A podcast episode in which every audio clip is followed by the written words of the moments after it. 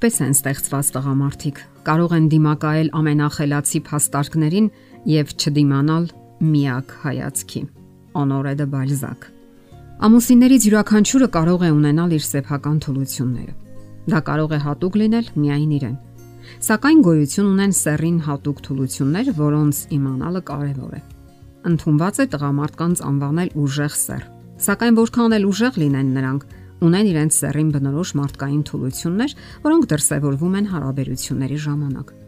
Վիճում են բոլորը, նույնիսկ ամենահիանալի ամուսինները։ Միմյանց չհասկանալու ստվերը մթագնում են նույնիսկ շատ մտերիմ զույգերի հարաբերություններ։ Դրանց պատճառները տարբեր են։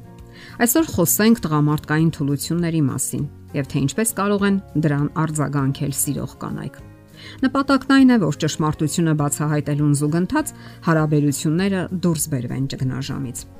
Անկասկած է, որ կանայք ցանկանում են միաբան լինել ամուսնու հետ, լինել լավ կին, լավ մայր,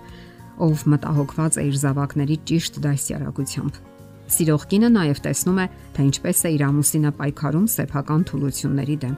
ինչպես է նա անցնում գայթակղությունների ականապատված դաշտով։ Ականներ, որ ամեն րոպե կարող են պայթել Իսկ այդ պայքարում կինը կարող է լինել այն հիանալի օգնականը, ով հասկանում է իր ամուսնուն եւ օգնում նրան դուրս գալու դժվար իրավիճակներից։ Ամենից առաջ հարկավոր է փորձել հասկանալ ամուսնու ապրումներն ու զգացումները։ Կարողանալով նույնականացնել ձեր թուլությունները կողակցի թուլությունների հետ, դուք կդառնաք նրբանակատ եւ կարեկից ունկնդիր։ Դուք չեք ծիծաղի նրա վրա եւ ոչ էլ տհաճություն կզգաք։ Բալզակը գրել է. իր ամուսնու վրա ծիծաղող կինը այլևս չի կարող նրան սիրել։ Եվ դա ճշմարտություն է։ Եթե նույնիսկ ինչ որ բան ճնշում եւ վիրավորում է ձեզ, դուք կկարողանաք ներել նրան եւ ամեն ինչ գաղտնի պահել։ Դա միայն ձեզ է վերաբերում եւ ուրիշ ոչ մեկին։ Դեռ ավելին, դուք ինքներդ ձեր հերթին կարող եք խոստովանել նրան ձեր թուլություններն ու գայթակղությունները, փորձելով ըմբռնողություն ու սատարում գտնել։ Միայն այդպես կարելի է խոր ու անկեղծ հարաբերություններ կառուցել։ Իսկ ինչ փորձությունների են առավել հաճախ ենթակա տղամարդիկ։ Ինչ անել, եթե տղամարդը միանգամայն անտեղի ձեզ վրա է թափում իր բարկությունը։ Պետք չէ վիճաբանել ամուսնու հետ, երբ նա բարկացած է։ Սպասեք արտահայտվի, սակայն բաց մի թողեք այն պահը, երբ ժպիտը նորից կհայտնվի նրա դեմքին։ Օգնեք նրան, որ գիտակցի իր բարկության իսկական պատճառը Հնարավոր է դա բոլորովին էլ այն արարքը բառը կամ իրավիճակը չէ, որը համբերությունից հանել է նրան։ Հնարավոր է որոշակի ժամանակ պահանջվի, ինչև նա ինքը հասկանա դա։ Եթե դուք իսկապես ցանկանում եք օգնել, ապա ձեր առաջին գործը պետք է լինի անկեղծ ու վստահելի հարաբերություններ հաստատելը։ Ցանկանալով հասկանալ ձեր ամուսնուն եւ նրա թուլությունները, մի ձգտեք ինքներդ միայնակ լուծել նրա բոլոր հիմնախնդիրները գլուխ անել նրա թուլություններից եւ հասկանալ նրա բարկության պատճառները։ Գլխավորն այն է, որ փորձեք ավելի լավ հասկանալ դրանք, ինչը կօգնի ձեզ ավելի մտերմանալու նրա հետ։ Իսկ բոլոր դեպքերում նա պետք է ընդունի, որ բարկությունը վեճերը լուծելու լավագույն տարբերակը չէ։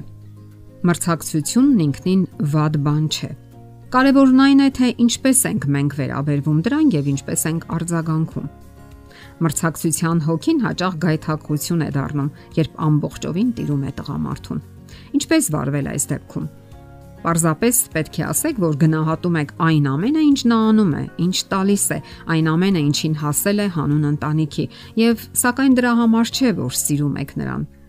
Սիրում եք հենց իրեն, որպես այդպիսին։ Ցույց տվեք նրան, որ մրցակցությունն ավարտված է։ Գտեք հարմար ու համապատասխան բառեր իրենց ժամանակին։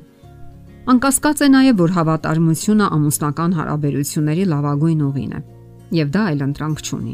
Մի կողմից սեռական հակումը բնական է տղամարդկանց համար, մյուս կողմից ոչինչ այնպես չի վշտացնում կնոջը, ինչպես այն բանի գիտակցումը, որ այդ հակումը ուղված է մեկ այլ անznավորության։ Առաջին հերթին իմացեք, այդ թուլությունը առավել հեշտ հաղթահարում է այն տղամարդը, ով ընդունակ է գիտակցելու, որ ինքը խոցելի է այդ հարցում Դուք պետք է մի կողմ նետեք կեղծ ամոթն ու վիրավորանքը, եթե իսկապես ցանկանում եք օգնել ձեր ամուսնուն։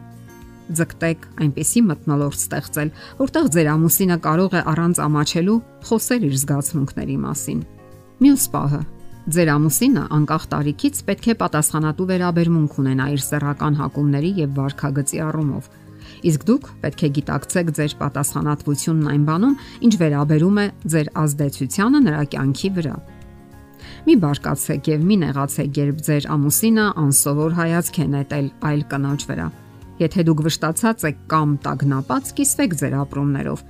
Պետք չէ նաև հոգեցունց տեսարաններ սարքել։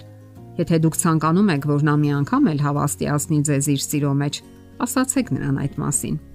Այո, պետք չէ զարմանալ։ Ժամանակ առ ժամանակ համարյա բոլոր տղամարդիկ զգում են իրենց անկարողությունն ու անվստահությունը սեփական ուժերի հանդեպ։ Սակայն տղամարդկանց համար հեշտ չէ պատմել իրենց հիմնախնդիրների մասին։ Նրանք մտածում են, որ սեփական անկարողությունը խոստովանելը թուլություն է ուժեղ սեռի ներկայացուցչի համար։ Ինչ կարող ենք անել։ Այդպիսին է նրանց բնույթը։ Նման դեպքում տղամարդուն պետք է հասկացնել, որ դուք լիովին սատարում եք իրեն։ Կարող եք ասել, որ ընդունում եք նրան եւ ընդունում եք հենց այնպեսին, ինչպիսին նա կա։ Նորից ու նորից նրան ասացեք այն մասին, թե ինչն է դուր գալիս ձեզ նրա մեջ։ Միգուցե նա ճունի այն տաղանդներն ու ընտունակությունները, որոնք դուք կցանկանայիք տեսնել։ Եվ այնուամենայնիվ խրախուսեք նրա հետաքրքրությունները եւ ցույց տվեք, որ սիրում եք նրան եւ սատարում առանց որևէ պայմանի։ Եվ իմացեք, որ ձեր ջանքերը վաղ թե ուշ կգնահատվեն։ Եթերում ընտանիք հաղորդաշարն է։ Ձեզ հետ է Գեղեցիկ Մարտիրոսյանը։ Հարցերի եւ առաջարկությունների համար զանգահարել 033 87 87 87 հեռախոսահամարով։